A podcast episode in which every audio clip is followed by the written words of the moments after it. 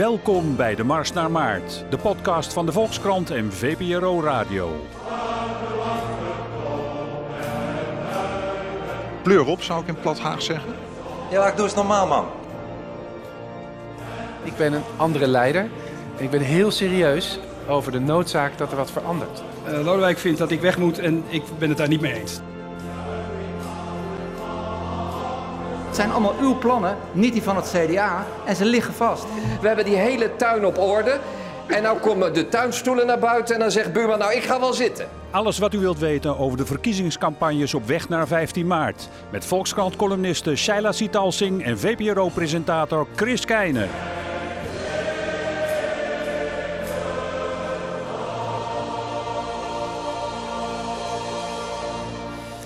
Goedemiddag Shaila, op uh, maandag 19 december. Hallo, dag Chris. Hi. Ja, die, die tune gaan we uh, wat aan sleutelen, maar het, het, het, het, vond het een beetje te grof om nu ook al in de tune afscheid te nemen van uh, Diederik Samson. Dus ja, nee, ja, ik vond het zo leuk dat hij er nog in zat. Ja, ik toch? Dacht, ja, ach, hebben we nog een heel klein beetje bij ons. Precies, en we gaan het er toch ook over hebben vandaag dus. Maar, Ja, um, precies. nou ja, ik wou aan de hand van een paar grote gebeurtenissen van de afgelopen twee weken uh, het speelveld overzien. En dan stofzuigen we onderweg uh, de, de, andere dingen wel op. Alles zal wel langskomen. Ik wou even beginnen bij het, het Wildersproces. Toch wel een van de dingen die uh, ook in de aanloop naar de verkiezingen heel veel aandacht heeft gekregen. We weten het, het ging om zijn minder-minder uitspraak wat betreft uh, Marokkanen. Um, hij is wel veroordeeld, maar hij kreeg geen straf. Laten we even de, de, de, de details van het proces nu niet bespreken. Dat is al heel veel over al gedaan. Um, maar even in het licht van de verkiezingen. Um, doet het hem goed, denk je, deze uitspraak? Ja, ja het, het is moeilijk te zeggen. Kijk, in, intuïtief zou je, kunnen, zou je zeggen ja. Je hoort ook veel reacties. Je kon, je kon heel veel reacties optekenen van mensen die zeiden nou juist daarom ga ik achter Wilders staan. Want het is belachelijk dat hij uh, hiervoor überhaupt wordt vervolgd, laat staan veroordeeld. Al is het zonder straf voor, voor aanzetten tot discriminatie. Mm -hmm. um, maar goed, als je kijkt, ik, ik, ik heb uh, voor, voor de peilingen me voorgenomen om alleen nog maar naar de peilingwijzer te kijken. Dat ja. is de, zeg maar een soort poll of polls die alle peilingen uh, uh, bij elkaar optelt. En de rest even te negeren. De kranten gaan dat ook doen. Hè? Ja, de NOS ook. Hè? Ja. Bij de Volkskrant bijvoorbeeld, de NOS doet het. We gaan terughoudend om met peilingen. Nou, de laatste uh, peilingwijzer, uh, die wordt maar één keer per maand bijgewerkt. En de laatste peilingwijzer was van 30 november. Dus dat is alweer een tijdje geleden. Daarin was de PVV de grootste. We weten uh, ja, ja, niet of, of, of schommelingen in de afgelopen weken nou echt rechtstreeks zijn terug te voeren op dat proces. Um, dus je, je weet het niet. Maar goed, intuïtief uh, zou je kunnen zeggen: ja, het was natuurlijk niet. Um, um, het was wel goede reclame voor Wilders. Het was geen al te beste reclame, misschien voor de politiek in zijn algemeenheid. Maar voor Wilders was het zeker geen, uh, geen vervelende toestand, denk ik. Hmm. Nee, en, en wat je er in ieder geval over kan zeggen is, dat, daar, daar waren we vorige keer al een beetje op uitgekomen, dat wat, wat de PVV betreft in ieder geval het belangrijke verkiezingsthema de, de identiteitskwestie is. Hè? Wat, wat, wie zijn we nog in, in dit land? Um, dat staat daarmee met deze uitspraak wel weer meteen op de agenda, hè? of met de aandacht voor dit proces. Oh ja, absoluut. Kijk, wat, wat we weten uit onderzoek, het Nationaal Kiezersonderzoek bijvoorbeeld, wat elke vier jaar of el, elke stembusgang wordt gedaan uh, bij uh, stemmen voor de, tweede uh, voor de Tweede Kamerverkiezingen, mm.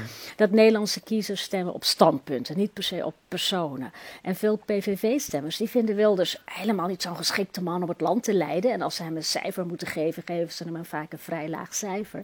Maar ze stemmen op de PVV omdat ze het eens zijn met partijstandpunten. En een van die partijstandpunten, een van die dingen die Wilders heel goed te pakken heeft, is inderdaad het wie zijn we, wat is Nederland nog, uh, is Nederland nog van de Nederlanders en wie hmm. zijn dat dan en wie hmm. horen daar wel toe en wie horen daar niet toe. En Ehm, mijn stelling is ook dat dit proces, ehm, niet, dat mensen niet, niet zozeer vanwege dit proces naar Wilders zullen gaan of, of, of van Wilders, zich van Wilders zullen afkeren, maar dat hun sympathie natuurlijk veel dieper zit. En dat is omdat Wilders een hele goede, hele goede snaar raakt en iets heel goeds te pakken heeft, namelijk... Uh, zijn wij nog thuis in dit land en is dit land toch van ons? En waarbij ons dan vrij nauw gedefinieerd wordt bij Wilders. Ja, ja daar is iets interessants mee toch met, met dat thema waar we het vorige week vorige keer niet zo uitgebreid over gehad hebben. Bedoel, je, er wordt aan de ene kant vaak gezegd van ja, heel veel mensen zijn boos uh, vanwege uh, de sociaal-economische situatie. Uh, en omdat ze, omdat ze bang zijn voor hun baan. en omdat ze vinden dat te, te, veel geprivatiseerd is. Noem het allemaal maar op. Maar er is ook een theorie dat het juist heel erg gaat om dat gevoel. Hè? Wie, wie, wie zijn we nog in dit land? Waar is ons vertrouwde Nederland van, van vroeger gebleven? Dat zou dan ook veel meer spelen op het platteland dan in de stad, waar, waar natuurlijk ook mensen gaan wonen die die diversiteit wat prettiger vinden. Ehm, je zou dan denken dat bijvoorbeeld de christelijke partijen, CDA, maar ook de kleine christelijke, daarvan moeten kunnen, moeten kunnen profiteren. Als het, als het gaat om dat idee, wat Wilders toch ook aanhangt, van de joods-christelijke cultuur, waar wij nou eenmaal allemaal bij horen. Ja, ja dat, dat zou je denken. Je hebt nu ook uh, heel veel. Uh, we zitten nu in de kerstperiode. Nou, gezamenlijk over kerstbomen. En mag, moet Albert Heijn een kerststol een kerststol nemen? En als ze het een feeststol noemen, is dat dan islamisering? Nou ja, die, die kant. Um, dat, dan zou je dus, dus verwachten dat er niets gaat boven een lekker goed christelijk partijtje. Ja. En als je kijkt uh, naar uh, nou ja, populariteit uh, in de afgelopen maanden, hoe die zich ontwikkeld heeft van het CDA, de SGP en de ChristenUnie, zeg maar de drie partijen die zich echt beroepen op een christelijke traditie, zie je dat ze op zich wel oké okay doen in, in, in de populariteitsscores, maar ook, het is ook weer niet echt halleluja, weet je. Het, het CDA, dat heeft nu 13 zetels. In dit verband, ja.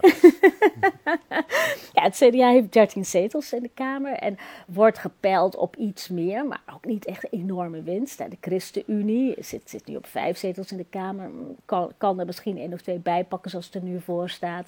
SGP, eh, zelfs SGP zou, zou, zou nog een paar eh, zetels eventueel kunnen bijpakken, misschien. Maar eh, men loopt daar niet massaal naartoe. En dat heeft er denk ik toch mee te maken dat Wilders iets interessants heeft te pakken, namelijk de, de, de cultuurchristenen. Dat zijn mensen die zijn niet per se uh, diep gelovig, zijn niet per se kerkgaand, geloven niet per se in een God weten van toeten over de, de wederopstanding. Maar ze worden wel helemaal gek als je paaseitjes verstopeitjes gaat noemen. Want dat vinden ze traditie. En mensen die niet weten waar Nazareth ligt, maar wel een toeval krijgen als je een kerstboom een midwinterboom noemt. En dat mag allemaal niet. En dat, is, dat, zijn, dat zijn mensen die zich beroepen op, een, op nou ja, inderdaad de joods-christelijke traditie, waarvan je kunt afvragen of die echt bestaat. Hè. Het is historisch, eh, is dat, is dat misschien ook niet helemaal juist, juist om over een joods-christelijke traditie uh, te spreken.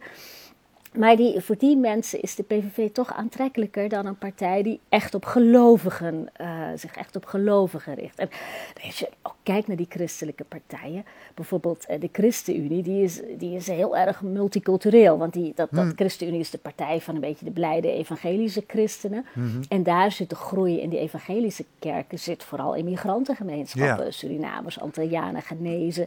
Dus de, de ChristenUnie is een vrij, uh, ja, to, to, toch te multicultureel denk ik, uh, voor heel veel uh, van de mensen die, die zich cultuurchristen noemen en die zich meer tot de PVV aangetrokken ja. voelen.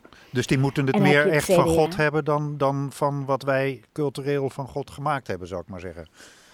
Ja, ja, zeker. Zeker. En dat geldt in iets mindere mate voor het CDA. Het CDA mikt ook wel een beetje op die cultuurchristenen. Dat is toch wat, daar is het wat diffuser, die, die religieuze component. Maar ja, voor het CDA is er misschien toch wel iets te braaf en iets te angstig voor religiekritiek in zijn algemeenheid. En, en daardoor toch ook altijd wel een beetje beducht voor islamkritiek. Ja. Maar wat doet het CDA bijvoorbeeld? Maar wat doet het CDA bijvoorbeeld met, met wat daar natuurlijk aanhangt aan die identiteitspolitiek? Namelijk, uh, moeten we om om die identiteit te bewaren niet ook gewoon de grenzen dichtgooien, zal ik maar even chargerend zeggen. Ja, nou ja, daar is het CDA zeker van. Het CDA zet heel erg in op um, het, het, handhaven van de Nederlandse normen en waarden. Nou ja, goed, het is een oud CDA-verhaal. Daar is ja, Balken en de Groot mee geworden. Is die vier keer, vier keer premier uh, mee geworden met normen en waarden. Uh, dus het zit ook wel een beetje in het DNA van het CDA. En het beducht zijn op vreemde invloeden zit ook wel een beetje in het DNA van het CDA. En dat je merkt het zeker de laatste tijd. Uh, in de vluchtelingencrisis heeft Sibrand Buma zich toch als een redelijke hardliner opgesteld. Hm. Dat we van het vluchtelingenverdrag af moeten en dat we niet onbeperkt mensen moeten willen opvangen. Dus het CDA zit wel heel duidelijk in die hoek. Tegelijkertijd moet het CDA ook uh, de mensen uit de kerken die aan allerlei kerkelijke opvang doen van uh, zwakken en, en, en minder bedeelden, wil het CDA die, die, niet te veel van zich vervreemden. Dus ze nee. kunnen er ook niet keihard in gaan. Maar Sibrand Buma heeft zich, uh, zeker het laatste jaar, buitengewoon hard uitgelaten over zaken als het vluchtelingenverdrag en ja. zaken als open grenzen en opvang. Dus ja. het CDA ja, snapt wel waar de electorale ruimte zit. Ja, maar goed, moet, moet dus ook intern uh, en, en naar, voor het eigen electoraat een, een soort evenwicht zien te vinden tussen, laten we maar zeggen, de naastenliefde en, en uh, de, de normen en waarden en uh, het, het, het buitenhouden van vreemde invloeden. Dat, dat, dat probleem speelt aan de linkerkant volgens mij natuurlijk ook. Laten we, laten we dan nu even afscheid nemen van, van Diederik Samsom. Waar, waarom heeft Lodewijk Asscher gewonnen? Nou, ik denk dat Lodewijk Asscher heeft gewonnen omdat Asscher toch ook heel erg op de waarde uh, politiek gaat zitten. Asscher is toch een beetje de moralist, veel meer dan Samson. Kijk, Samson is natuurlijk de grote pragmaticus. Heeft de verkiezingen gewonnen als groot pragmaticus. Dat vergeten we steeds, maar met zijn eerlijke verhaal hmm. zei hij telkens weer tijdens de verkiezingen: ik ga geen belofte doen, ik ga compromissen nee. sluiten, ik kan helemaal niks beloven. En nou, dat heeft hij waargemaakt, maar zijn achterban heeft dat hem toch enorm kwalijk genomen. Die hebben dat toch ingevuld in hun hoofd, hebben ze dat eerlijke verhaal van Samson toch ingevuld met hun verwachtingen en opvattingen en, en, en normen en wat ze van een linkspoliticus verwachten. Dus daardoor is Samson ja, to, toch, toch, toch uitgerangeerd geraakt, deels hmm. bij die achterban. Um, hij, er kleeft gewoon te veel Rutte 2 aan zijn handen. En ja. uh, het gekke is dat Asscher vicepremier was uh, bij Rutte 2. Dus als er aan iemands handen heel veel Rutte 2 kleeft, dan is het wel Asscher. Ja. Maar uh, die slaagt er dan kennelijk toch in om zich voldoende te distancieren. Um, en die heeft uh, meer het, het, het ook, ook een beetje dat, dat, dat, dat beschaafd nationalistische verhaal. Nou ja, goed, maar, Als je met zijn uh, ja. participatieverklaring bijvoorbeeld. Hè? Ja, de, de, nieuwkomers moeten zich aanpassen. En, uh, precies, en met, en met zijn strijd, en met zijn, zijn strijd voor, voor in ieder geval een eerlijk speelveld als het om arbeidsmigratie gaat. Wat, wat in de praktijk natuurlijk ja. ook vaak betekent dat, dat je arbeidsmigranten een beetje buiten de deur houdt. Maar jij zegt, hij, hij vertegenwoordigt daar daarmee meer toch, toch de oude waarden van de sociaaldemocratie. Maar die oude waarden van de sociaaldemocratie, daar zat toch ook juist internationale solidariteit in. Ik bedoel, in hoeverre slaagt hij er dan in om eh, de combinatie te maken van, van enerzijds mensen hier geruststellen en, en, en, en tegelijkertijd die waarde van internationale solidariteit overeind houden? Ja, nee, dat is een hele moeilijke spagaat die altijd heeft bestaan. Hè? Een open samenleving en een verzorgingsstaat. Kun je die naast elkaar hebben? Dat ja. is heel ingewikkeld. Want een open samenleving betekent dat iedereen hier moet kunnen komen. En een verzorgingsstaat betekent per definitie dat je het moet afbakenen. Want je kan niet voor iedereen uh, uitkeringen verstrekken. En het klassieke antwoord uh, van links is van de kant van de SP, van de Socialistische Partij, altijd geweest. Nou, we kiezen voor nationale solidariteit. Hè? Dus uh, sociale zekerheid hier voor ons en iets minder die internationale arbeidersstrijd. En de Partij voor de Arbeid heeft toch altijd meer gekozen voor die internationale solidariteit, hè? ontwikkelingssamenwerking, maar bijvoorbeeld ook. Uh, uh, uh, arbeiders uh, aller landen hè, over de grenzen heen. En dat gaat ten koste van ietsje minder sociale zekerheid. Dat heeft, dat heeft, die ontwikkeling heeft Diederik Samson heeft daar zeker aan meegewerkt. En je ziet Asscher nu weer een beweging terugmaken. Dus geen Polen meer ongelimiteerd hier die onder de prijs gaan rijden. geen buitenlandse vrachtwagenchauffeurs. Zij proberen om daar, nou ja, dat is die, die internationale solidariteit. Want je zou ook vanuit een oud-links standpunt kunnen zeggen Ja, maar het is voor die Polen, die kunnen hier veel beter verdienen. Ja, internationale arbeiderssolidariteit Precies. laat ze vooral hier komen rijden. Ja. Maar als je, die maakt meer de beweging terug naar Mhm. eh, wat, wat, wat eh, zeg maar de, het standpunt waar de SP zich al, al veel langer op, eh, op beroept. Van nou, eerst onze eigen mensen en eerst onze eigen sociale zekerheid een beetje regelen en optuigen. En dat is eh, misschien ehm, heeft hij daarmee ook wel een iets betere neus voor de tijdgeest. Omdat de tijdgeest toch ook wel meer is van we raken allemaal dingen kwijt, jongens.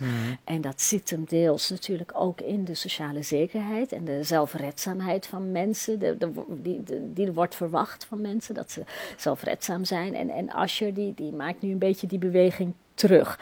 Dat doet hij ook wel heel slim hoor, als eh, soort, soort, soort wat ouderwetse genormen waardeman en eh, participatieverklaring. En niet iedereen kan hier meer zomaar eh, komen en, en volledig meedoen.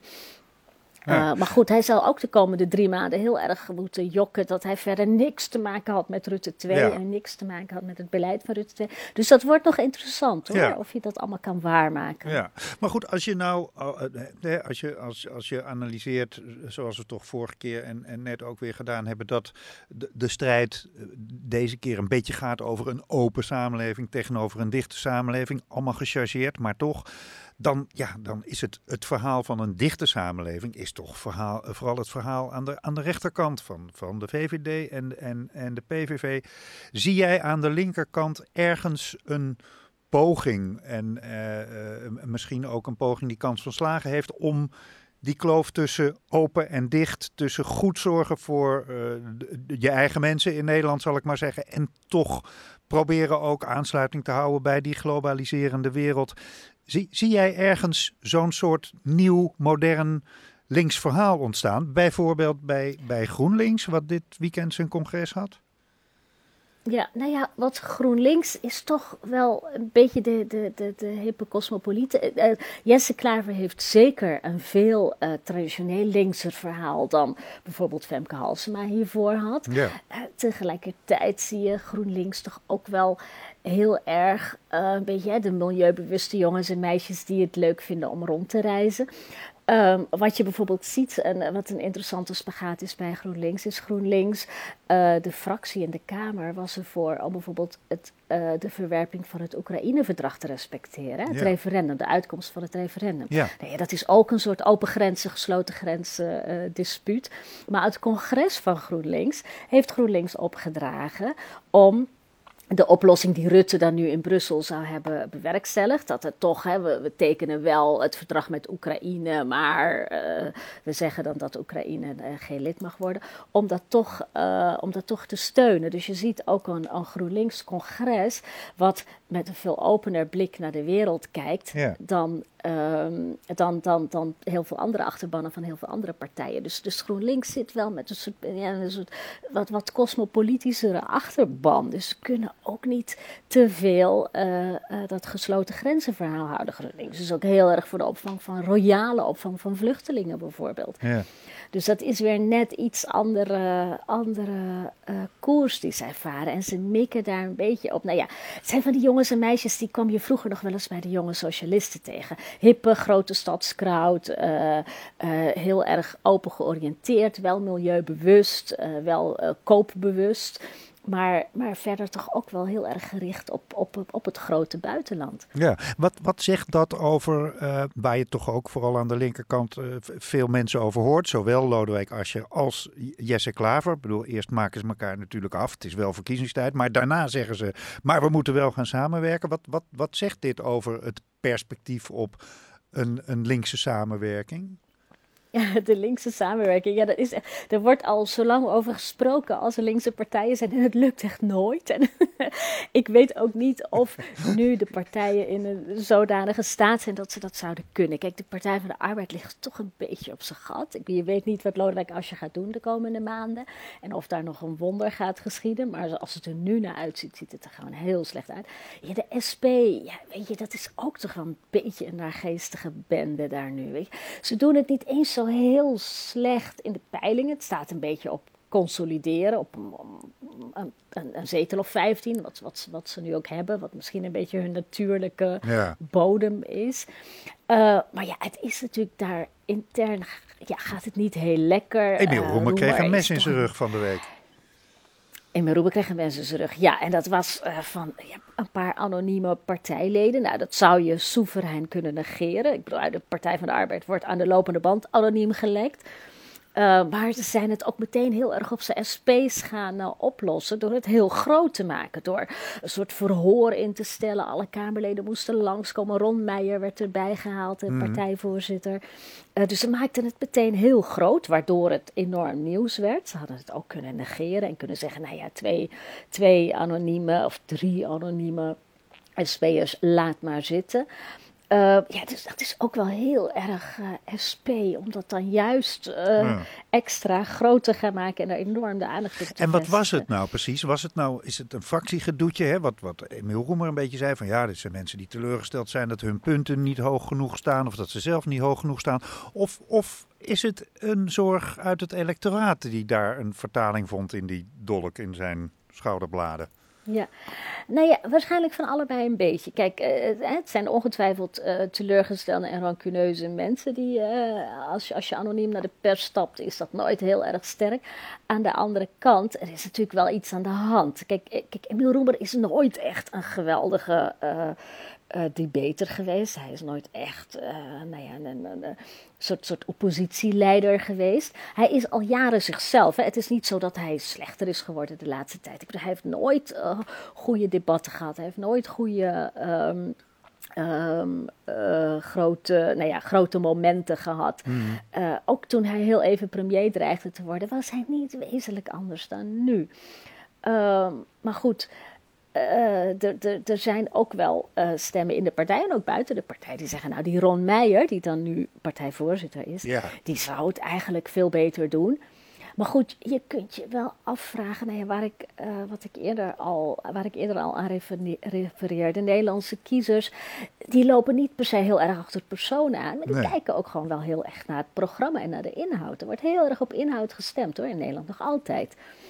Dus of je nou met Ron Meijer de plotseling tien zetels bijhaalt met hetzelfde programma, dat is nog maar de vraag. Ja. Um, en de SP profiteert niet van de leegloop bij de Partij van de Arbeid. Nee. Het is ook wel echt een hele andere partij. Ze zijn economisch veel linkser, ze zijn veel minder cosmopolitisch. Uh, ze houden niet van internationale verdragen. Ze hebben hartstochtelijk campagne gevoerd tegen het Oekraïne-verdrag. Het is een heel ander soort uh, ja. partij. Um, dus ja, of dat nou uh, goed samengaat, allemaal op links, nee. dat is nog maar de vraag. nee, nee. Nou, partijen die het moeilijk hebben, waarvan er toch minstens twee zijn uh, aan de linkerkant, die, die zijn nooit zo heel erg geneigd om veel samen te gaan werken. Even uh, tot slot, um, ik, ik merk zelf dat D66 bij mij eigenlijk in, in, de, in de analyse steeds niet boven komt. Omdat er een, een, gevecht op recht is tussen, tussen VVD en PVV. Een groot gevecht tussen links en rechts. En allerlei gedoe op links. Maar waar, zit D66 eigenlijk? Gaan die er weer tussenuit vallen in het hele verhaal? Of... Ja, ja dat, is, dat is inderdaad grappig. Dat je steeds denkt, oh ja, D66, wat, ja. wilden die ook alweer? Maar ja, het, het, zou wel zomaar kunnen. Het is speculatie hoor, maar dat ze kunnen profiteren van de twijfels die er zijn over de betrouwbaarheid van de VVD. En daarmee bedoel ik, je weet bij de VVD gewoon nooit helemaal zeker of ze alsnog met de PVV zullen gaan regeren. Ze zijn ertoe in staat. Ze hebben het eerder gedaan. Ze hebben het weliswaar uitgesloten uh, vanwege de minder-minder uitspraak van Geert Wilders. Maar het is, uh, vertrouw het maar aan Rutte toe om met een redenering te komen. Ja, Wilders is in, inmiddels voor de rechter geweest, dus het is afgehandeld. Dus we kunnen dat minder-minder als afgehandeld beschouwen. Ja. Dus de weg is weer vrij om met ze te onderhandelen. Dat zou hij zomaar kunnen. Hij kan een onnavolgbaar standpunt kan hij uitstekend verkopen. Eventueel met gedoogsteun van Henk is dan het idee ja. Nou ja, Henk, Henk zou zomaar inderdaad een, een, factor van belang kunnen worden. We zullen zien. Dus er zijn wel twijfels hè? Of, of, of VVD betrouwbaar is. Daar zou D66 van kunnen profiteren als de anti-Wilders. Oké, oké. Goed, nou... Um, we hebben op onze eerste podcast van eh, sommige mensen over onze schalen gekregen. Omdat we bijvoorbeeld de Piratenpartij helemaal niet genoemd hebben. En Ja. eh, er zijn natuurlijk een heleboel eh, kleinere partijtjes deze keer. Daar gaan, daar gaan we allemaal nog aan toekomen in januari. Ehm, ja, die gaan we een keer heel uitgebreid behandelen. Alle Ja. nieuwkomers. Ja, maar er- volgens mij heeft iedereen voorlopig even behoefte aan de, de kerstboom. Ehm, dat gaan wij ook doen. We zijn er de, de, de tweede week van, eh, van januari weer. Oké, tot dan. dank Dag. je. Dag.